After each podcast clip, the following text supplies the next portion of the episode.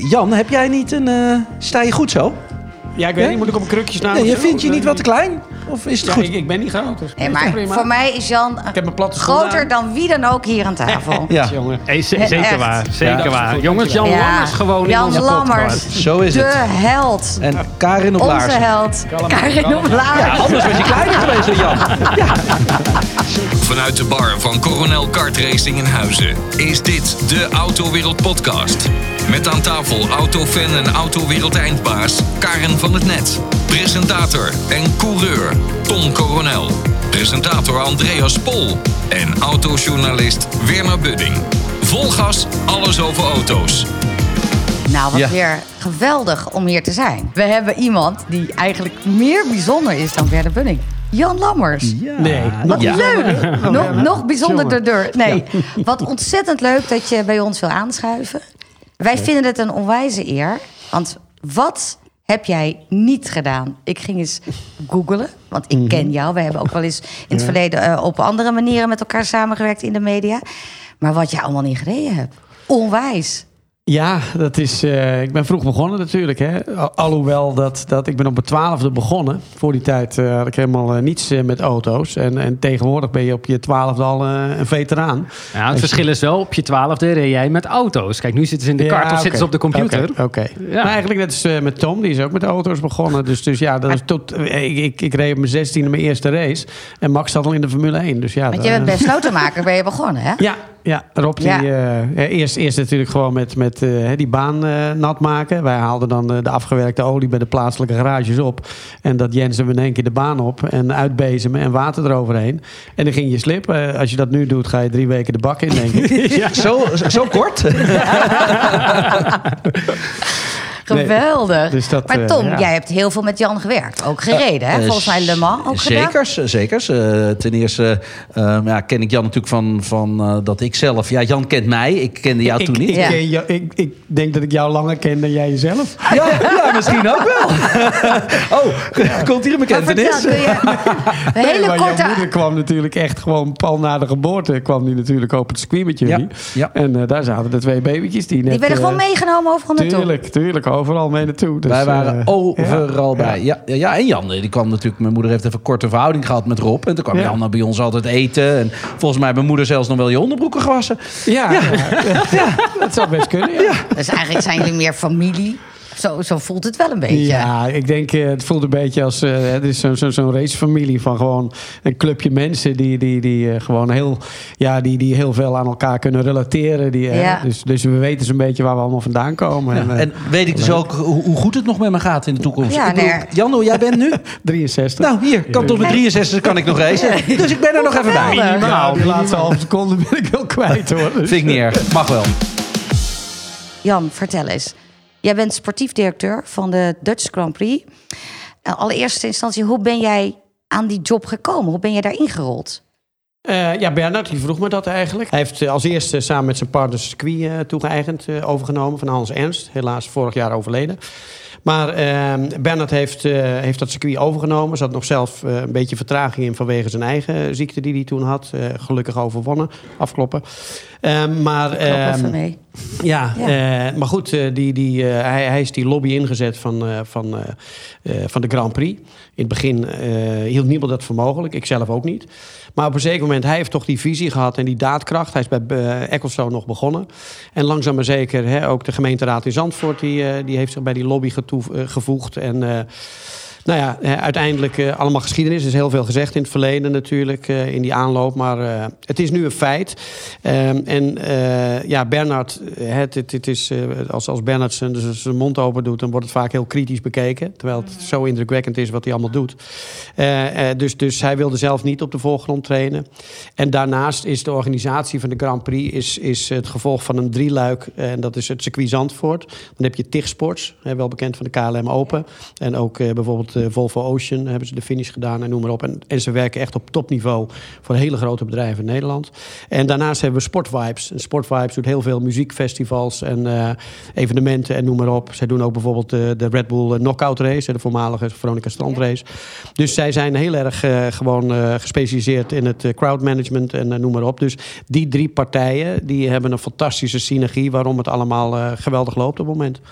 En eh, als je die drie partijen hebt, heb je soms één gezicht nodig naar buiten om, om zeg maar het verhaal te doen. Maar het is toch heel logisch dat ze jou hebben gekozen, Jan. Jij bent de godfather van de Nederlandse autosport. Ja, maar dat ben je. Ja, nu begin je een beetje te lachen. En inwoner Nee, van maar dat is, Zandvoort. Je dat woont is de in Zandvoort. van Jan. Eh, je, hebt formule, je hebt het allerhoogst haalbare eh, gedaan in de Nederlandse autosport. Eh, je hebt overal heb je in gescoord. Eh, eh, ja, dus, dus hoe kan het anders zijn? Wie hadden ze anders hiervoor moeten kiezen dan? Ik ja. noem hem altijd de Johan Cruijff van de autosport. ja, hè? maar dat, dat is hij voor mij ook. Ja. Het is mijn leermeester. Het is, het is, het is mijn Le een Mans uitspraak? Nou, alleen maar. Jan? Alleen maar. Mamma mia. Daar, daar kan Johan Cruijff nog een puntje aan zuigen. Ja. weet ik nooit van Ja. tevoren. ja, ik wel hoor. Dit, Nee, dit, maar ja, het is- ja, dat doe ik even een hele Ja. mooie anekdote. We zitten op Le Mans. Ik zeg, Jan, eh, ja, nee, eh, weet je, ja, budget, ja, ja. Hup, nieuwe banden erop. Ik zeg, Jan, maar nieuwe banden. Ja, maar dat is het probleem voor maandag. Is wel, Dat, oh, dat, dat is werd wel ook waar. een probleem. Hè? Dat werd ook een probleem. Dus, dus maar niet op zondag. Nee, nee, dat was een van de leukste dingen. Dat als je de pitstraat uitreed op zaterdagochtend... dan, eh, dan wist je in ieder geval dat de banken en eh, eh, de- het belastingkantoor gesloten was. Dus dat was wel het leuke van die weekenden. Maar goed, daar heb ik me een hoop eh, ellende mee op mijn nek gehaald. En, eh, en ook eh, toeleveranciers en mensen, eh, banken en belastingdienst. Eh, die hebben daarna toch wel... eh, eh, heb ik het heel moeilijk mee eh, gemaakt. Maar gelukkig met een hoop eh, support en geduld... en eh, begrip van veel mensen om me heen... ben ik dat toch... eh, Maar misschien is dat nu ook meteen weer de leerschool voor het hele proces rondom de Dutch Grand Prix. Dat, Nee, hoor, dat, ze jou, nee, maar dat ze jou niet zo snel gek maken. Misschien dat. Nou, nee, maar dat is, die functie heb ik helemaal niet. Nee, Ik nee, bedoel, maar dit is- eh, sportief directeur, ik zeg het altijd maar, eh, dat kan je worden zonder dat je je school afmaakt. maar, eh, nou, ik, onze- ik ga vinken gewoon uitspraken. Dat bedoel ik. Ja, ja, Je hebt ja. het er weer. Nee, maar dus de, de, de, de echte directeur hè, van, van het circuit eh, Zandvoort en van de Dutch Grand Prix, eh, Robert van Overdijk. hè, dat, dat is de man die samen met zijn team en die achterban van Tichsport en Sportvibes eh, gewoon enorm veel klussen moet klaren. Hè, want want eh, we hebben het heel makkelijk over van nou een vergunning, weet je wel. Hè, of je wel of niet een vergunning eh, krijgt. Maar als je ziet wat voor studie je alleen al moet doen. Maar die voorbereiding is, is beter geweest dan iedereen had verwacht. Want iedereen had toch wel meer, eh, hoe noem je het, eh, obstakels eh, eh, verwacht. wellicht, het, is, het, is, wellicht, het, is, ja. het, is, het is in één mooie flow is die doorgegaan. Had jij vooraf verwacht dat het zo groots zou zijn eh, als, als wat er nu allemaal aan de hand is? Met dat het eh, tot, dan, tot aan de Tweede Kamer wordt besproken. Dat, eh, dat eh, de, van, van klein tot groot. eh, dat Nee. evenementen, dat het zo enorm Dat wordt. het uitverkocht Dat zou zijn, Ja, alle dat, dagen. Dat wel, dat wel. Ik had echt wel gedacht van, van nou, dat, dat wordt drie dagen uitverkocht. Dat is gewoon de simpele perceptie die ik altijd wel gehad heb. Maar als je nu ziet hoe ongelooflijk veel eh ervoor nodig is om het te organiseren... en ook goed te organiseren. eh, het, het, het hele management van, van natuurlijk het hele mobiliteitsplan. Hè, want want eh, perceptie en werkelijkheid. Hè. Een heleboel mensen hebben gewoon de perceptie en dan een heleboel aannames. Hè. Men begint gelijk over, ja, maar hoe gaan jullie het met verkeer doen? Dat is de perceptie. Hè, wat mensen vergeten, vaak genoeg gezegd... als het eh, 30 graden is, hebben we 100.000 man op het strand. Nou, die zijn ook s'avonds weer thuis. Soms voor donker. Daarnaast eh, heb je eh, de- feitelijkheid. De feitelijkheid is dat er waarschijnlijk geen Grand Prix circuit ter wereld is... waar eh, de trein tot 1 kilometer van de hoofdingang komt. Het is precies 13 minuten lopen. Als je doorloopt 10 minuten. En dan ben je bij de hoofdingang. Hè. Ga eens naar Monza en je auto Ja. daar parkeren. Nou, voordat je bij je tribuneplaats bent, ben je gewoon een uur Midden verder. in het park kan je vergeten. Ja. Nee, dus, dus, dus er zijn een hoop feitelijke dingen die gewoon heel sterk zijn eh, voor wat ik betreft hoor jou wel eens zeggen, Dus, eh, Tom, dat het eigenlijk op Zandvoort zometeen beter geregeld is als eh, bijvoorbeeld Monaco. Ja, maar dat zie ik, dat zie ik overal internationaal. Eh, Je ziet het al waar Jan over praat. De voorbereiding, eh, de professionaliteit, hoe, hoe zoiets wordt opgepakt. Ja, ze willen ook wel direct in Nederland laten zien, jongens.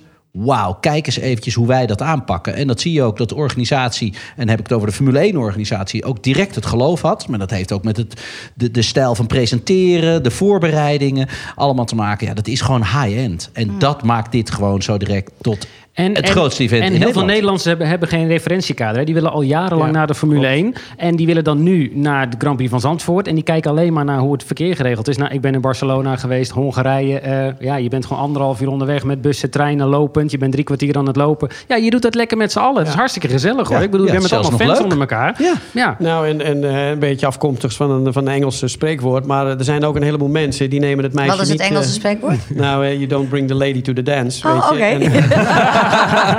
dus een heleboel mensen die, die, die brengen zelf het meisje niet mee naar de dansvloer. Maar als jij een mooi meisje bij je hebt, zeggen ze bedankt voor het brengen. En dan kun je weer Ja. gaan.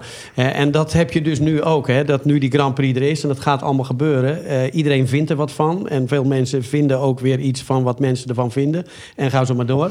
Hè, dat is En natuurlijk... dan gaat het eh, een eigen leven leiden. En Ja. ik denk, maar ik denk dat jullie qua media, en daar geloof ik dat jouw rol ontzettend goed in is geweest. Dat heb jij heel goed kunnen doseren, kunnen uitleggen. En uiteindelijk is alles gewoon, hè, wat jullie hadden het van tevoren natuurlijk allemaal goed geregeld, is het gewoon op orde. ja. Nu is mijn vraag. Ja. Ik zag van de week een video van eh, Tom, die liep op Zandvoort. Ik zag allemaal nog hopen eh, sneeuw, wou ik zeggen, hopen zand. En eh, van het weekend zag ik wat geasfalteerd. Mochten mensen zelf al wat rijden. Kun je ons nu een, de laatste status geven? Even voor jou. Als we nu starten op het circuit. Hè? We gaan start, Hoe ziet het circuit er dan uit? Kun je daar iets over uitleggen? Nou, je zou er eigenlijk al een race kunnen houden. Eh, alleen dan moet je je voorstellen dat je dat eh, op een ondergrond doet die in de grondverf staat. Dus, dus de basis, eh, het asfalt ligt er al. Alleen op sommige momenten zitten nog plekken die, die moeten opnieuw aangepakt worden en noem maar op. Dus de contouren liggen er al, het asfalt ligt er al. Alleen er moeten nog lagen overheen voordat het helemaal af is. Ik denk met een week of drie dat de eerste race verreden kan worden. Eh, dan, daarnaast heb je natuurlijk eh, gewoon alle faciliteiten eromheen. Eh, bijvoorbeeld de tribuneplaatsen. Hè, er moeten 90.000 eh, eh, plaatsen bijgezet worden. Dus, dus in totaal met ook de organisatie mee moet je voorstellen... dat op vrijdag, zaterdag en zondag hebben wij twee keer een volle arena in huis. Dus dat, dat is nogal wat. Dus het is ook het eh, grootste sportevenement in de geschiedenis. Niet van de autosport, maar gewoon in de Nederlandse sportgeschiedenis. Dus dat is waanzinnig. Eh, en wat ik net eventjes bedoelde met, met sommige mensen die dit meisje niet naar de dansvloer brengen. dat, dat is dus iets, dat vind ik zo'n staaltje ondernemerschap. Want natuurlijk, eh, het circuit stond heel lang te koop. Tom weet het als geen ander. Een heleboel vrienden en kennissen van ons Ja. die in de quote staan... hebben het circuit aangeboden gekregen. Hebben er allemaal van gezegd van ja, nee, ik zie er niks in. Hebben er van afgezien. Bernard heeft zijn partners ook weten te overtuigen van het circuit toe-eigenen. Daarna dus de lobby voor de Grand Prix, via Ecclestone begonnen, enzovoort, enzovoort. Maar dan komt dat moment, ehm, hè, dan is de principeovereenkomst is daar. Dan heb je een halfjaartje de tijd om je eh, financiering eh, voor te, voor te bereiden. Hè, zeg maar even onder voorbouw, financiering hadden ze al getekend. Maar dan moet je in één keer, heb je dat moment... dat je gewoon je handtekening moet zetten... voor gewoon eh, inmiddels 140, 150 miljoen over die periode. Even slikken hoor. En dan staan ze niet in rijen van drie opgesteld. Heel eerlijk, valt me nog mee. Nou ja, goed, hoe dan Dat ook. Maar, maar als Ik je Ja, je moet het wel hebben. Nee, maar je moet wel de Nee, maar bankgarantie ik hebben. zat, ik zat aan een miljard of zo te denken. Nou, dat, daar zou ik niet te lang aan denken. Nee, dat Maar, dacht ik. eh, nee. nee, maar goed, ik denk dat, dat op het moment dat je echt die handtekening moet zetten voor die commitment, dan is dat niet alleen een enorme financiële commitment, maar je haalt ook een enorme workload op je, want dan Zeker. moet je het nog gaan Ja, organiseren. ja, ja, ja. En letterlijk organiseren. Je moet gewoon zorgen dat alles, alles gewoon voldoet aan de voorwaarden, aan de eisen en aan de regels, de wetten ook, hè, milieuwetten ook. Dus overal moet je aan voldoen. Eh, en dan moet je ook nog zien eh, wat geld over te houden. Hè, want eh, Tom en ik die, die, die hebben denk ik wel in het gemeen dat we alle twee heel erg gepassioneerd zijn. All in gaan dus. Ja, precies. Hè, maar Met andere woorden, heel veel dingen ook. Nou ja, wij zijn autosport verslaafd. Ik bedoel, laten we Ja. even heel eerlijk zijn. Wij verdienen niks aan autosport. We, we, we regelen het en we kunnen racen. En daar hebben we een big smile op ons, ons gezicht. En op maandag, ja, die hebben we dan nog steeds. En dat is uiteindelijk waarom, naar mijn idee, wij nog steeds in autosport zitten. Ja, Ja, want Max klopt. is ook wel een hele belangrijke factor in. Hè? Eh, IJzersmede als het heet is. Denk je niet de Nou, is- belangrijkste factor ja, ja, in deze? Absoluut de allerbelangrijkste. Maar dat is, dat, ik bedoel, die, die, je moet ook in die flow, in- moet je mee. Hè? Ik bedoel, als iets Hij is nog jong, je kan nog jaren door met hem. ja, nou ja, ze hebben sowieso voor drie jaar getekend. Zeg ik dat goed, Jan? Ja, drie met een optie voor twee. Ja. Eh, maar uiteindelijk is de doelstelling natuurlijk om het gewoon een permanente eh, plaats op de agenda Ja. te laten zijn. Eh, maar op dit moment moment eh, wordt er natuurlijk heel hard gewerkt om te zorgen dat, dat een, eh, een Grand Prix ook max bestendig is. Dat als Max ooit eh, niet meer rijdt, dat er dan eventueel nog eh, een, een voedingsbodem is om een Grand Ja. Prix te organiseren. Er Over tien jaar dus pas. Want ik bedoel, de Ja, aankomende Nou tien ja, jaar race die hoe dan 100 ook. Maar daarnaast eh, moet je ook natuurlijk met dit soort investeringen moet je ook kijken dat oké, stel dat er straks geen Grand Prix meer is, is het circuit dan ook nog te exploiteren. Ja. En, Ja, want dat is dus precies Ja. mijn vraag. Want ik Ja. hoor dan, hè, de drie dagen per jaar wordt daar Formule 1 eh, echt, echt gehouden. Ja. Eh, voor de rest van het jaar zijn er hobbyisten zoals ik een beetje eh, eh, bezig. Dat circuit is aangepakt om eh, de Formule 1 toffer te maken, spannender te Ja. maken. Mooie inhaalacties net voor de Tarzanbochten, et cetera, et cetera. Hoe is dat nu voor zeg maar, de hobbyisten en andere raceklasses die daar zijn? Is dat circuit? Ja, dat is, dat is nog boeiender. Ja? Die, die krijgen gewoon eigenlijk een cadeautje. Want eh, dat, dat is eigenlijk ook, eh, moet ik zeggen, het, wel het opwindende op dit moment. Dat, dat je beseft nu, en dat is eh, wat, een persoonlijke ervaring die ik de laatste paar weken heb... is dat je in één keer beseft van ja, die Grand Prix is natuurlijk allemaal fantastisch en noem maar op. Maar op de maandag na de Grand Prix ligt er gewoon een van de mooiste circuits ter wereld. En dat, dat is ook feitelijk aantoonbaar met die hele bijzondere kombochten. Ja. Dat is geweldig. Maar dat dat ook met 0 euro subsidie gedaan is. Dat, dat, dat vind ik ook zoiets, daar, daar mogen we gewoon heel erg trots op zijn. Want als je kijkt naar eh, alle buitenlandse Grand Prix... eh, vooropgesteld dat ze überhaupt iets verdienen. Maar als ze geld verdienen, kan dat alleen maar door staatssteun. Hè, er is één Grand Prix, de Red Bull Ring in, eh, in, in Oostenrijk... die hebben geen staatssteun. Maar als je dan ziet dat wij dat zonder overheidssteun voor elkaar hebben gekregen... en er zijn bijvoorbeeld prachtige locaties zoals Silverstone... nou, daar is zo ongelooflijk veel geld, maar overheidsgeld ingegaan... En, eh, en dat is bijna ook dan niet meer te, te, te exploiteren. Eh, en dat is dus wel heel erg belangrijk. Want eh degene die een jaartje geleden op Zandvoort zouden komen... die zouden denken van... jongen, dit mag wel een likkie verf hebben. Ja. Maar wat ze vergeten is dat de jaarrekening... die zag er glanzend uit. Hè, dus het circuit is, is afgelo- eh, gewoon de afgelopen twintig jaar... gewoon een, een, een hele goede, winstgevende eh, business geweest. Hè, dus, dus wat dat betreft prima. Wa- wachtend ook op zo'n moment als dit eigenlijk? Nou ja, wat, Nou wat ja. ik wel bijvoorbeeld weet, is dat nu probeer ze een circuitdag te boeken. Alles is Ja. vol. Het is nu zo hot. Het woord Zandvoort, het circuit Zandvoort. Iedereen wil eraan proeven, ruiken. Mhm. dat, dat, joh, dat is uitverkocht. Ehm, de eerste race eh, die verreden wordt, dat is eh, de laatste, wat is die? Begin maart. Ja. Hoeveel maart is dat ook weer? Ja, ik weet precies 4 of 5 helemaal. maart. Ja. Ik ben door drie mensen gebeld. Die hebben gevraagd: Tom, zou je alsjeblieft met me willen meerijden?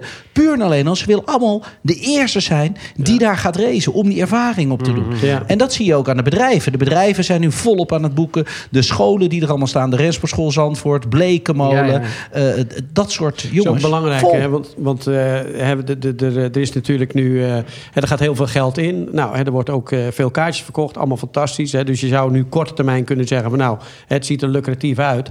Maar eh, het is vaak eh, natuurlijk je tweede en je derde jaar... eh, dat, dat eh, nu, eh, als je twee keer je ogen, met je ogen knippert... ben je 100.000 euro kwijt. Hè, met allerlei gewoon voorzieningen die je hier en daar moet, moet, eh, eh, moet nemen. Eh, maar maar eh, hoe, hoe staat de, de vlag ervoor? Over twee of drie Ja, ja. jaar moeten er dan aanpassingen zijn. Ja. Eh, en daar moet je heel voorzichtig mee zijn. Dat is jij bedoelt ja, is de baan ook makkelijker of moeilijker geworden? Veiliger, onveiliger? Ook voor, voor, voor dus al die andere raceklasses die Nou, er rijden? ja, zonder meer veiliger. Dat, dat kan ik En in waar één zit dat adem in? zeggen. Nou, gewoon omdat eh, alle grindbakken zijn de complete. Hè. Nu eh, zie je een grindbak. En vroeger was dat een grindbak. Wat mensen niet gezien hebben, is dat die grindbakken volledig leeg gehaald zijn. En gewoon met, met, eh, met nieuw grind gevuld zijn, hè, volgens de voorschriften. Mhm. Eh, alle- Uitloopstroken. Ja, uitloopstroken zijn er gekomen. Dus bij de Ehm, Tarzanbocht, daar ja, is, dat is maar een wat voor ander grind is dat dan? Ja, ik heb daar Nou geen ja, verstand ja, van. nou goed, eh, er hoeft geen grindiscussie van te maken. Maar in ieder geval via goedgekeurd Nou, eh, grind. ben- Nou, ik dat bedoel, is, grind van is om je materiaal? tegen te houden, om je tegen te houden. Je mag niet te ver wegzakken, want dan ga je rollen. Allemaal dat soort Nou, dingen. En daar is een eh, studie op losgelaten. Ja, ja, wat Nee, maar heel ik bedoel, is het zachter materiaal of zo? Weet ik, of juist Grote harder? kiezels, kleine Durf ik niet kiezels, zeggen. kan allemaal. ik race er heel hard We doen een langs. aparte grindpodcast meer. Ja, ja, ja. Ik vind het goed, Jan. Met Nou, Kees van der maar. Grint ook meteen erbij. Ik denk dat, dat eh, wat, wat, eh, wat denk ik ook wel leuk is om even te vertellen... is dat eh, de, de persoonlijke eh, signatuur van, van Bernhard is ook wel... dat het circuit onvergeeflijk moet zijn. Hè? Bernhard die is zelf wel een keer Europees toerwagenkampioen GT4 geweest. Eh, dus dus hè, die heeft ook wel enig recht van spreken. Maar die werd een beetje mies van die sessies. Dat je een kwalificatiesessie. En dan waren er 20 tijden afgepakt, omdat ze gewoon de track limits overschrijden. ja. Hè, dus ze rijden over een stukje schuurpapier heen, over het lijntje en dan weer terug. En dan ben je af. Nou, daar werd hij helemaal niet goed van. Dus hij was een van de grote voorstanders om te zeggen van nou, ik wil gewoon een authentiek circuit. Dat als je een fout maakt, dat je dan gewoon van Afgestraft de baan bent. Ja. Kijk naar Monaco. Hè, daar word je ook gelijk afgestraft. En hier is het dan weliswaar grind of anderszins. Maar eh, dus dat is wel mooi. Dat het is hier een circuit waar je niet hoeft te zeggen van nou track limits overschreden. Want dat zie je vanzelf dan wel. Oké, dus heb jij je antwoord? Ja, ik, ik heb alleen nog één vraagje. Ja. Want, want toen bekend werd dat de Grand Prix eh, naar Zandvoort kwam... toen was ook al vrij snel eh, de aanpassingen van de baan kwamen toen ook in het nieuws. Dus het hele plan dat het circuit aangepast zou worden... en op welke manier, eh, dat was al lang bekend. Wat, kan je daar een beetje iets over zeggen... hoe lang eigenlijk dat hele plan en de hele baan al bekend was? Nou ja, dat, dat is natuurlijk ook een, eh, een, hele, een onderdeel van je exploitatiebegroting. Hè? Dus, dus al die plannen die liggen natuurlijk in concept al klaar... om een inschatting te maken, wat gaat het ongeveer kosten? En, en, eh, en hoeveel tijd. Hè? Het is niet alleen eh, hoeveel geld ermee gemoeid is... maar je moet ook een goede inschatting qua tijd hebben. En dat, dat vereist natuurlijk gigantisch veel overleg. Hè? Volker Wessels is nou een van onze mooie partners. Hè? En, en voor Volker Wessels is dit nu gewoon een flagstore geworden. Ja. Hè? Waar zij gewoon, tegen, gewoon voor, voor honderden Ja. miljoenen mensen over de hele wereld... kunnen laten zien wat ze neergezet hebben. Ja, in een hele korte periode. Ja, ja, ja, ja. Eh. Een nieuwe tunnel bij de Tarzanbocht. Een nieuwe tunnel bij de Arie Luijendijkbocht. Eh, vergeet niet de, de kombochten die er nu zijn. De Hugenolts en het Bos-Zuid. Jongens, het is, als je daar rondloopt, het is een snoepwinkel ja. voor iedereen. Ik heb al begrepen stukje- dat die Chinezen inmiddels naar Zandvoort kijken. Van, oh, zo kan je ook snel bouwen. Dat, Nou, eh, die Chinezen hoop ik dat ze voorlopig niet Oh, deze kant op komen. Oei. Lekker blijven. De carousel. Wat ik net al even zei, eh, Jan, eh, is er verschil tussen de fitheid van een coureur van nu en die van toen? En ik denk dat ik dat aan jullie allebei eh, kan vragen. Want Tom, jij race nog heel veel. Ik weet dat je ook veel in de sportschool zit. Ik weet ook dat je soms onwijs aan de lijn doet. Dan loopt hij hier met allemaal sapjes onder. Dan denk ik, oké, het is weer zover. Ik weet niet, hoe zit dat bij Jan? Het weekend voor de boek. Gaat er weer eentje Heb komen. jij dat ook, Jan, of niet? Of Nou, heb je dat bij mij is gehad? het heel, eh, heel manisch. Eh, ik heb een periode gehad, eh, nou van alles. Van, van tennis tot motocross tot eh, van alles. En dan is het gewoon, dan praat ik nergens anders over. Dan doe ik ook niks anders. Hardlopen heb ik ook eh, een jaartje of vier, vijf heel intensief gedaan. En de marathon New York eh, een paar keer gelopen. Dus, dus eh, bij mij is het heel manisch. maar Ik denk- merk je dat dan ook meteen in de auto?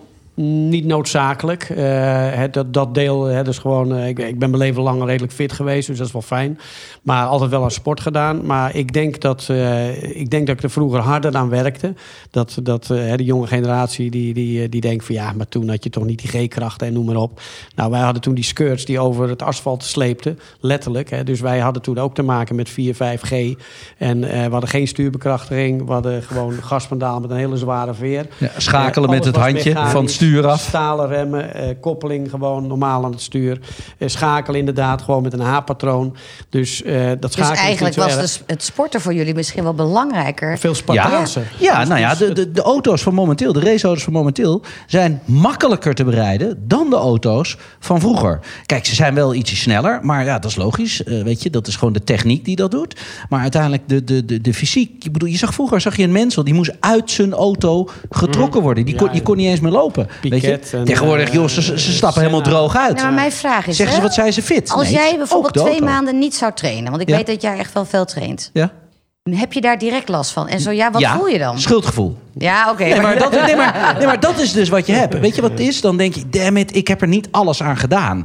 Hè, het is dat allerlaatste ene tiende van procentje... dat je geconcentreerd wil zijn, dat je je fit wil voelen... en dat je er alles voor moet doen. En ik vind ook voor je sponsors, voor, voor, voor alle mensen omheen... moet je ook laten zien dat je all in gaat. En dat, dat is het heftigste. En natuurlijk, ja, ik bedoel, je, je, je, je kan niet dichtslippen. Je kan niet groot en dik zijn. En wij mogen ook niet gespierd zijn. Maar we moeten snelheid hebben. Je moet snel kunnen reageren. Maar als ik een, een, een, een dikke coureur heb eh, met, eh, met jarenlange Gaat raceervaring... Nee, nee, Gaat maar niet ten opzichte van een jonge gast met, met die, eh, die super fit is, maar niet heel veel raceervaring Nou, de heeft. een klimt en de ander daalt.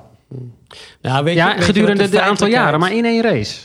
Ik, ik denk dat de feitelijkheid is dat ze tegenwoordig eh, fitter zijn. Ja. Ehm, maar dat het vroeger fysieker zwaarder was. Ja. Alleen het is nu structureel. Het is nu meer een trend dat al die rijders zijn gewoon van Olympische fitness. Hè, dus ze zijn allemaal topatleten. Maar dat is meer een trend gewoon. Je hebt allemaal gelijk een persoonlijke trainer. Je hebt een diëtist. En je hebt gewoon... eh, kijk even naar onszelf in onze dagelijkse voeding. Er is zoveel meer informatie beschikbaar. Niet alleen op het pakje. Maar gewoon ook... Dus, dus qua trainen, qua begeleiding. Op alle gebieden. Hè. Je hebt tegenwoordig, eh, als je naar de kartbaan gaat... Hè, dan heb je gewoon de vader, de moeder. Dan heb je de mental coach. Dan heb je de Dat wil ik kartcoach. zeggen, ja. Ja. En de bodyguard Ja, ja, ook ja, vaak ja. nog. Vinden jullie wat vinden jullie daarvan, Dus- dus de mental dat, eh, coach? Is dat noodzakelijk? Nee, ik vind het serieus overdreven. Maar dat is hoe ik Dus jij hebt er een nodig dus. Ja, zeker. ja. Nee, maar, nee, maar Het weet ligt je, eraan, het ligt eraan. hoe, hoe ver eh, gaat het? Kijk, weet je, het, het heeft ook met het kopie van, van de poppetjes zelf tegenwoordig te maken. Weet je, ze worden helemaal. Ge, ge, ge, ge- ge- ja, hoe noem je het? eh, Indoctrineerd. Ja, Ja, ik denk wel dat het. eh, je, je, je kunt, ik heb wel gemerkt dat je kunt het niet generaliseren. Want, want hè, normaal gesproken zou ik absoluut hetzelfde als Tom eh, reageren. Van ja, een mental coach, dat, dat is juist die uitdaging. En dat is juist de kunst. Hè, maar ik zie, ik zie toch op de kartbaan. Hè, dan, dan, eh, dan heeft eh, een rijder een, een, eh, een zogenaamde mental coach. En dan, dan zie je gewoon daar ook gewoon mensen die daar heel luchtig in staan. Die zijn er gewoon bij op standby. En die hebben een hele goede invloed op zo'n rijder. En dan zie je ook zo'n rijder goed presteren. En dan denk je van nou, hè, dat, dat alleen al omdat je ze mental coach noemt, hebben ze vaak dat stigma van, van ja, wat moet die er nou, zo'n zielenknijper. Hè, dus dus soms, soms beoordeel je het te snel. Maar ik denk als je er tien hebt, dan zullen er één of twee zijn waarvan je denkt van dat zijn goede mensen. Ja. Weet je, dus dat, ja, eh, eens. Nou, en het is En natuurlijk nu met Formule 1 is dat natuurlijk hè, de, de holy grail waar iedereen nu naar kijkt. Eh, eh, alles is meer opengegooid eh in, in de media dan onder Bernie Ecclestone. Dus we weten ook veel meer eigenlijk van die coureurs, Precies, heb ik ja. het ook het idee. Komt ook door die film. Nou, ja, het is ook, ook, maar hè, het, ook social Netflix, media, ja, een beetje, beetje alles. Je, je ziet meer van de achtergrond dan alleen de prestatie van de rijder. Maar dat bedoel ik ook meer, Ja. dat we nu ook zien, inderdaad, al die personal trainers zien. We zien inderdaad die mental coaches. Eh, ik weet nog, uh, Keke Rosberg, eh, die gewoon met whisky en, eh, en peuken door de pitstraat liep, Ja. weet je wel. Maar, Ja. maar, en daar was hij niet eens heel erg anders in dan, dan, de heel rest. veel anderen. Nou, weet je wat je tegenwoordig wel hebt, is dat, dat door de komst van de social media, eh, de, de, competitie zorgt altijd voor groei. Hè? Gewoon, dus als je dingen in competitieverband gaat doen, dan gaat de hele ontwikkeling van wat je ook, waar je ook competitie in levert omhoog. En het grappige is dat, dat ik heb ooit een keer een ervaring gehad in, eh, in Zolder. Eh, ik had eh, bij de start, eh, ik lag zesde geloof ik. Eh, voor mij lag euh, Jody Scheckter, eh, die was net wereldkampioen het jaar daarvoor. Achter mij eh, Gilles Villeneuve. En eh, ik reed naar Scheckter toe en bij Villeneuve vandaan. ging allemaal fantastisch. Maar toen eh, kreeg ik problemen met mijn versnellingsbak. Hij sprong er steeds uit. En eh, nou, kortom, dat werd steeds erger. Hè. Dus op het laatst moest ik met één hand rijden. En met mijn andere hand moest ik hem in zijn versnelling houden. Ja. Hè, dus, dus ik had al moeite om dat tempo vast te houden. Maar goed, ik lag gewoon op een Niemand hele- die dat kon zien natuurlijk Precies, op tv. Dat Nee. gaat allemaal niet, Nee. hè, want eh, radio, radiocommunicatie was er natuurlijk niet. Maar, eh, dus dat ging op zich heel erg goed. En op een gegeven moment, hij sprong er steeds vaker uit. Dus ja, ik val een paar plaatsen terug en op een gegeven moment gaat mijn versnellingsbak stuk. Nou, dus ik eh, stap enigszins narrig eh, naderhand uit. En er komen gelijk twee journalisten naar me toe. Van een redelijk grote krant. En die vragen aan mij van, van, van eh, wat was er nou, wat was er nou? Eh, ik zei nou, hè, dus ik vertel het verhaal. Van hij sprong uit zijn versnelling en bla bla bla. Dus ja, jammer. Volgende dag eh, staat er in de krant van Lammers klaagde over versnellingsbakproblemen. Ik denk, ja, weet je, dat is Ik alsof denk dat ik een weet welke krant dit was trouwens. Ja, dat, gaat, dat is niet zo belangrijk op dit moment. Waar het om gaat is dat je zegt iets... Ja. en dan zie je hoe dat de volgende Ja, dag ja, vertaald wordt. ja. Tegenwoordig is dat zo dat als je dat in de huidige media vertelt... eh, en, en men vertaalt dat op zo'n eh, onverschillige manier, zeg maar even... Kan je het heel snel rechtzetten. Dan kun je Ja. het zelf Ja. wegzetten. Hè? Dus, Ja. dus, dus de, de competitie van de sociale media naar de, de, de algemene media... Hè, dat zorgt er gewoon voor dat, eh, dat de totale media wel van een hogere kwaliteit is. Ja, iedereen vecht ook om het juiste feitje boven Precies. tafel te hebben. En ook, en ook de fans zelf, die kan corrigeren dat ook persoonlijk weer. Ja. natuurlijk heel direct schakelen met je, met je fans. Dus dat is ook iets anders. In plaats van dat je het via via, eh, dan verwatert iets natuurlijk. Maar om dat weer terug te doen op het mentale vlak, dat is ook weer meteen het, het probleem. Dat inderdaad, eh, hè, als, als, een, eh, als, als een mening geldt, ja, dan, jij ziet het ook allemaal op je mobieltje langs. ja, maar je kan wel direct reageren. Ja, dat is als je wilt. Ik weet dat recent heeft Tom een aantal posts gedeeld... dat hij de Honda i aan het testen ja, was. Ja. Nou, elektrisch past eigenlijk, zo 1, 2, 3, niet bij Tom. Althans, dat zie je niet bij Tom. Maar wel heb een mij Honda. verbaasd, ja, dat alweer wel. Maar ik heb mij verbaasd over de post. Omdat ik dacht, dit kan Tommy niet zijn. Nee, nou dat, dat kan ik mij voorstellen. Eh, maar ik- dat dacht ik zelf ook. Ik denk, jeetje, ik moet in een elektrische auto gaan zitten. Maar op het moment dat je ermee rijdt, op het moment dat je de hele beleving voelt van dit ongelooflijke, gave, stoere, eh, hippe eh, autootje. Ja, dan heb je echt zoiets. Damn, damn. Weet je, ik, ik, ik had vroeger een Smart had ik erbij als, eh, als tweede auto, gewoon voor de fun. Nou, dat zou ik bijna zeggen. Dat is dit ook. Dit is gewoon een concurrent van de elektrische Mini die gaat komen. Het is het hele dashboard. Ja, ik sla nu door. Je hoort het. ik- ik vind het hele dashboard. te kijken. Het is net of, ik gewoon een curved scherm in, in mijn hele dashboard heb zitten.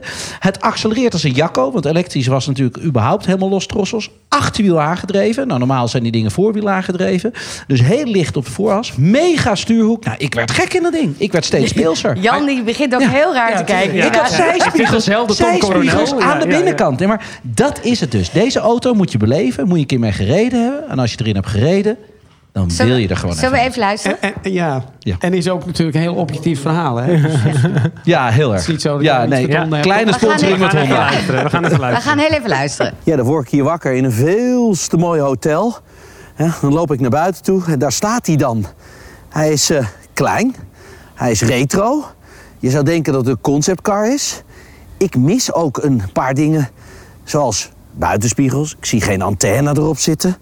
Maar hij heeft wel ontzettend aantrekkingskracht op het hele idee wat ik heb bij iets nieuws, bij iets anders willen hebben dan wat je al kent. Als ik naar de auto toe loop, dan herkent hij mij, doordat ik de sleutel in mijn zak heb zitten. Dan komt de handgreep zo aan de zijkant eruit. En als ik dan instap, dan heb ik niets anders dan schermen. Ja? iPads, allemaal verwerkt in het dashboard. Nou, dan moet ik er natuurlijk meteen mee gaan spelen. Dan zie ik ook dat ik ze van links naar rechts kan ik ze swipen. Ik kan ze veranderen. En dan zie ik, als ik er binnenin ga zitten, waarom er nou geen buitenspiegels op zitten. En dat is allemaal doordat er gewoon in de hoeken de camera's mij projecteren naar achteren. En zo heb ik perfect beeld. En dan kijk ik ook naar de binnenspiegel. De binnenspiegel is hetzelfde. Dat is een LCD-scherm met ook een camera naar achteren toe. En als ik dan zo zit, dan denk ik, ja, dit geeft mij echt wel het huiskamer-idee. En dat komt allemaal doordat de stof die ze gebruikt hebben hetzelfde stof is als op je bankstel thuis. Ja, toch ook wel een beetje de retro-look, zoals ik het merk ook ken. Want ik herken wel een paar, ja, zoals het stuur, het logo zo in het midden. Dan denk ik, oh ja, oh ja. En als ik dan ook weer uitstap, want dat doe ik dan nu wel weer eventjes. Dan loop ik eromheen. Dan zie ik eh, ja, de velgen die me natuurlijk direct aantrekken. Met die two-tone idee. Dan vind ik de achterkant ja, toch ook wel... Als ik naar de lampen kijk, wat zijn van die, van die, ronde, ronde dingen. Leuk ook hoe dat verwerkt zit. LED uiteraard. En dan zeg ik, ja, een klein autootje. Dan kom ik achter, dan doe ik ook de achterdeur eventjes open. Nou, slim gedaan. Hele kleine deuren. Heeft natuurlijk allemaal te maken met ruimte. Als je de auto parkeert, kan je heel makkelijk erin. Maar ook gewoon genoeg ruimte achterin. Ja, dan blijf ik er toch een beetje omheen lopen. En dan zeg ik, ja, dit is wel gaaf. Dan wil ik aan de voorkant toch eens even kijken wat daar onder in het midden zit. Want op de motorkap zit een zwarte ruimte. En dat is natuurlijk die ruimte, inderdaad, voor deze volledige elektrische auto van dit merk. Wat natuurlijk al heel bekend is met zijn hybride modellen. Maar de eerste volledige elektrische auto. En ja jongens, waar heb ik het dan over? Inderdaad, jullie moeten dit zien bij RT Autowereld op YouTube. De Honda i. Ja, ik ga er dan toch weer eventjes in zitten. Ja, en dan zie je hoe duidelijk en makkelijk het is. Ja? Je kan zelfs met één pedaal kan je deze auto bedienen. Ja? En hoe retro dit is en hoe gaaf dit gaat worden, is dit dan de auto van de toekomst? Ik denk het wel. Ehm, dit was de podcast. Willen jullie er meer van zien?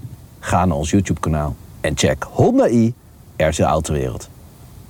Echt, echt flabbergasted voor Inderdaad, de gadget freak, zoals ik. Wat een gaaf ding. Had je dit nou vooraf gedacht, Tom, dat hij zo zou zijn? Ehm, nee, absoluut niet. En daarom moet je het ook gewoon zelf beleven. Want dan ben je, ja, dan ben je gewoon net zo enthousiast als ik. Ja, ik denk Zo dat we toch wel wat veel in Nederland gaan zien. Want Nederland heeft natuurlijk wel de beste papieren voor elektrisch rijden. Absoluut. Ja, of Noorwegen. Ja. ja, ja, ja. Andreas, jij had heel veel, of hebt heel veel met dit onderwerp, hè, wat nu komt. Nou, eigenlijk niet zo. Maar eh, nee, nee, het gaat, weet je, de wintersportperiode zit er ook om aan te komen. Eh, ook als je op reis gaat. Ehm, als je in mijn auto kijkt, eh, dat weten inmiddels de luisteraars ook. Ik heb een Mazda MX-5, daar zit niks in, want het is een licht autootje. Ik heb geen rommel in mijn auto. Maar soms is rommel in je auto toch verplicht. En ik noem het rommel, maar het zijn ook een beetje de, ja, noem het onder mom van veiligheid. Geen idee. Maar ik zal eens even een testje bij Tommy doen. Ja. Heel kort. Wat Oh. heb ik nodig als ik in België eh, met een auto rijd? Wat heb ik verplicht in mijn auto nodig? Wauw. Jan, weet jij het? Ik was blij dat je het aan Tom. Kom maar door hoor. Nee joh, wat, hoezo? Wat heb je nodig? Een verbanddoos. Ja, maar dat zit er toch standaard in? Mm, Nee, waarom? Oh. Nee, Heb jij die in je auto Ja, volgens liggen? mij ligt die achterin. dat denk ik. Gevarendriehoek. Ja, oké. Een Ja, hesje. veiligheidshesje, heel goed. Ja. Ja, ja, Ja. En een brandblusser. Een brandblusser? Ja, ja. Maar die Belgen Nee, zijn jongens, gek. Ik dacht... Dat hebben we toch niet? Nee, hebben, niet. hebben wij niet. Dus ik mag niet door België rijden? Nou, dit is ook weer zo'n ding. En dat is ook even goed om te, te, te benadrukken. Eigenlijk, als jij in het buitenland rijdt met jouw auto... dan gelden in de EU de regels van de auto... Waarop, eh, van het kenteken eigenlijk, Ja. waarop het geregistreerd is. Juist, ah, oké. Alleen weten niet, er zijn uitzonderingen op die regel, alleen weet ook niet alle politie, eh, als jij in Tsjechië of zo bent, van ja, ja, eh, in Nederland heb ik dat niet nodig. Dan zeggen ze, net is heel leuk, maar hier wel. Ja. Dus eh, mag ik even een boete uitschrijven? Dus Hè, eigenlijk als je naar het buitenland gaat, kijk even op de ANWB. Ja, want weet je, ik denk, ik ga dit eventjes allemaal netjes uitzoeken. Maar dit Nou, wordt een lijst van hier tot Tokio. Dus we niet willen. ANWB.nl is de beste manier om even uit te zoeken. Maar wel belangrijk ook als het gaat om winterbanden en sneeuwkettingen en zo. eh, ook, weet je wel, in, in, in Duitsland... eh, allemaal onder, hè, onder wintersomstandigheden moet je, moet je winterbanden hebben, dat soort dingen. Super omslachtig, maar ook profieldieptes en zo zijn ook allemaal heel belangrijk. Dus echt, als je gaat, hè, bijvoorbeeld Oostenrijk, moet je gewoon minimaal 4 mm profieldiepte hebben. Anders zeggen ze dat het een zomerband is. Ja, krijg je behoorlijke Oh boetes. Nee, dus, dus weet je... Ik, eh, wij hebben er nooit profiel op. wij rijden het eraf. Nee, maar daarom. Weet je, wij, wij weten dat ook. Hè, voor onze winterspecial gaan we altijd naar Oostenrijk. We letten er altijd op. We leggen het altijd Maar heel uit. eerlijk, ik zou je zeggen, volgens mij zo hier, als wij alle vier staan, doen wij daar niet echt aan, aan die regels, toch? Nee. In welk land heb je een alcoholtester nodig in je auto? In elk land. Nee, Rusland. Ru nou, voor Karen wel. Nee, Rusland. Zweden waarschijnlijk. Rusland. Jongens, Frankrijk. Gewoon helemaal Echt hoek. Je hebt zelfs twee alcoholtesters in je auto nodig. Oh, Weet je, nou. allemaal dat soort dingen. We weten het niet, omdat we denken, ja, we hebben het niet Ja, ik nodig. ga even op de site kijken. ANWB.nl. ANWB.nl, echt een aanradertje. En wat wil jij weten? Ja, en dan hebben wij de vragen van onze luisteraars. En als jij vragen instuurt, en dat kan via contactformulier op rtlautowereld.nl of eh, volg ons eh, op, eh, op Instagram of Facebook. Eh dan komen we die vragen ook wel tegen. Eh, als je dat doet, dan kun je kaartjes winnen voor Coronel Kart Racing. En ehm, een vraag die via Instagram binnen is gekomen van Niels1937. Lijkt me niet zijn geboortejaar, maar... Dat denk ik ook niet. Nou, ja, dat zou kunnen. Eh, welke auto's zijn jullie het meest bijgebleven van de auto's die jullie hebben gereden? En dan kijk ik meteen even naar Jan, want dat zijn er misschien nog meer dan bij Tommy. Ja, ik denk dat ik dan waarschijnlijk toch kom bij de, ehm, ja, de Le Mans auto, de sportscar. Van De Dome? 1992. Nee, nee die eh, van eh 92 die had ook nog... eh, De eh, Jaguar. Ground effect. Nee, dus de Toyota. Kijk, En, eh, dat, zoveel eh, gereden, joh. Ja, nee, dat was geweldig. Want eh, we hadden toen eh, een test in eh, Monza. En ik kan me herinneren dat Senna die had de dag daarvoor tijdens de Grand Prix de snelste ronde gedaan. Was, ik geloof, 1.25.1. En wij reden de volgende dag 24.9. Dus die, die auto's gingen zo ongelooflijk hard de hoek om. Zonder stuurbekracht gingen allemaal echt ouderwets bikkelen. Dus ja, dat was, dat was toch wel... ik heb er een keer een één ronde gedaan in eh, Eastern Creek, eh, net buiten Sydney. En dat is denk ik de snelste ronde die ik van mijn leven afgelegd heb. En ik weet niet of dat ronderecord ooit gebroken was, maar het was gewoon absurd hoe snel je met die auto rond kon rijden. Dat was echt geweldig. Ben je dan ook nog daar een soort van bij? Of is het gewoon een Jawel, soort van alsof je een raket aan het, eh, aan het besturen bent? Nou, nee, je bent er volledig bij. En dat is ook gewoon de euforie. Dat je echt denkt van nou, hè, Maak ik dit mee? Sneller dan dit kan niet, weet je wel. Dat, dat bochten waar je bij wijze van spreken voorheen afremde en terugschakelde naar drie, kon je nu vol in vier doorheen. Dat je echt dacht van nou, alsof je op een monorail zit. Hè. Dus dat was echt een prachtig tijdperk. Tommy? Ehm, Hoeft niet om de snelste nee, auto nee, te nee, gaan. Nee, nee, nou ja, als je het zegt, weet je, dat was een keer dat ik een auto leende eh, van Stefan Gijzen. Dat was een Aston Martin Vanquish V12. Nou, dat vond ik zo heerlijk vet, classy, klinken, eh bruut, acht uur aangedreven, dat ik wel zoiets had van, wauw. En ook, moet ik ook wel heel eerlijk zijn. Wat een babe magnet. Echt waar. Je rijdt er Amsterdam heen. De plakkertjes werden nog Ah, net die niet zo op mijn voorruit Die geplakt. auto heb je toch niet dat- nodig? Nee, ik heb hem niet nodig. Maar ik vond het zo kicken, dat ding. Dat ik echt zoiets had. Weet je, van waar, waar- komt dit vandaan? Weet je, dat, dat- ja, dat vond ik wel gaaf. En dat vind ik wel gaaf om Ja. te horen van iemand die ook gewoon een Formule 1 auto heeft getest. Ja, maar als je dan zegt... Oké, sport... Ik ging expres uit de sportwagen. Dan is het de Ferrari V12. Ja. Dat jankding, 17.500 toeren. Die, eh, mijn schoonvader die had er eentje en die zei, wil je ermee rijden? Nou, ik rijd de pitstraat uit op Zandvoort tijdens de Eurobos-series. Gelijk aantrappen, janken dat ding. Hij zei, kan je dat ding niet even inrijden? Ik zeg... Heb ik nieuws voor je? Nee. Als je die witte lijn overrijdt, pitstraat uit, is er voor mij maar één stand. Klepel naar beneden en genieten. Nou, het was gewoon de geilste wekker van Zandvoort. We deden de warm-up om half acht 's ochtends. Ik zweer het je, hele Gran Dorado werd Ja, wakker ja. met dat gillende Ferrari-geluid. Ja. Ik vind het geweldig. Ja, ja, ja, ja, ik zat op de tribune en je hoorde gewoon boven dat veld uit. Hoor, je wist precies wat Tommy over dat hele circuit heen ging. Zat jij toen op de tribune? Volgende keer krijg je gewoon een kaartje in het paddock van me. Jan, mag ik je nou ja, namens ons allemaal maar onwijs bedanken dat je hier eh, bent aangeschoven. Nou, ik vond het heel gezellig. En we zouden dankjewel. misschien TCT nog wel een keer uit kunnen nodigen voor eh, Ik zeg- de alle, alle, allerlaatste update. Dat, dat- hoezo? Na de Grand Prix. Gewoon hoe succesvol Oh ja, geweest Gewoon op de zondag, leuk. dan ben ik er toch even bij. Dan nemen we hem daar gewoon op. Even Nu sla je door, Dre. Oh, oké, Nu sla je Ja, door. ik probeer maar even. Ik denk, ik zit dicht bij het vuur Nu moet ik even met Jan apart, want ik moet die Oh, kaartjes even met hebben. Jan apart hier zo. nou, dan eh, gaan wij gewoon even lekker afsluiten. Ja. Want op het moment dat jij je wil eh, abonneren Ja. op onze podcast... dan kan dat natuurlijk via Spotify, Apple Podcasts, Google Podcasts... Castbox, TuneIn, Stitcher en nog heel veel meer. En je kan ons natuurlijk ook altijd zien op ons YouTube-kanaal van RTL Autowereld. En natuurlijk zijn wij ook iedere zondag en zaterdag te zien. Zondag half zes RTL 7 en ook op de zaterdag half twaalf 's ochtends... en half zes RTL 7. Zo is het. Dankjewel, Dre. Dankjewel. Eh, Ja. tot volgende keer. Ja, tot de Tot de volgende volgende keer. keer. Doei, doei. Oh nee, die is niet meer. Hoi, hoi. Nee?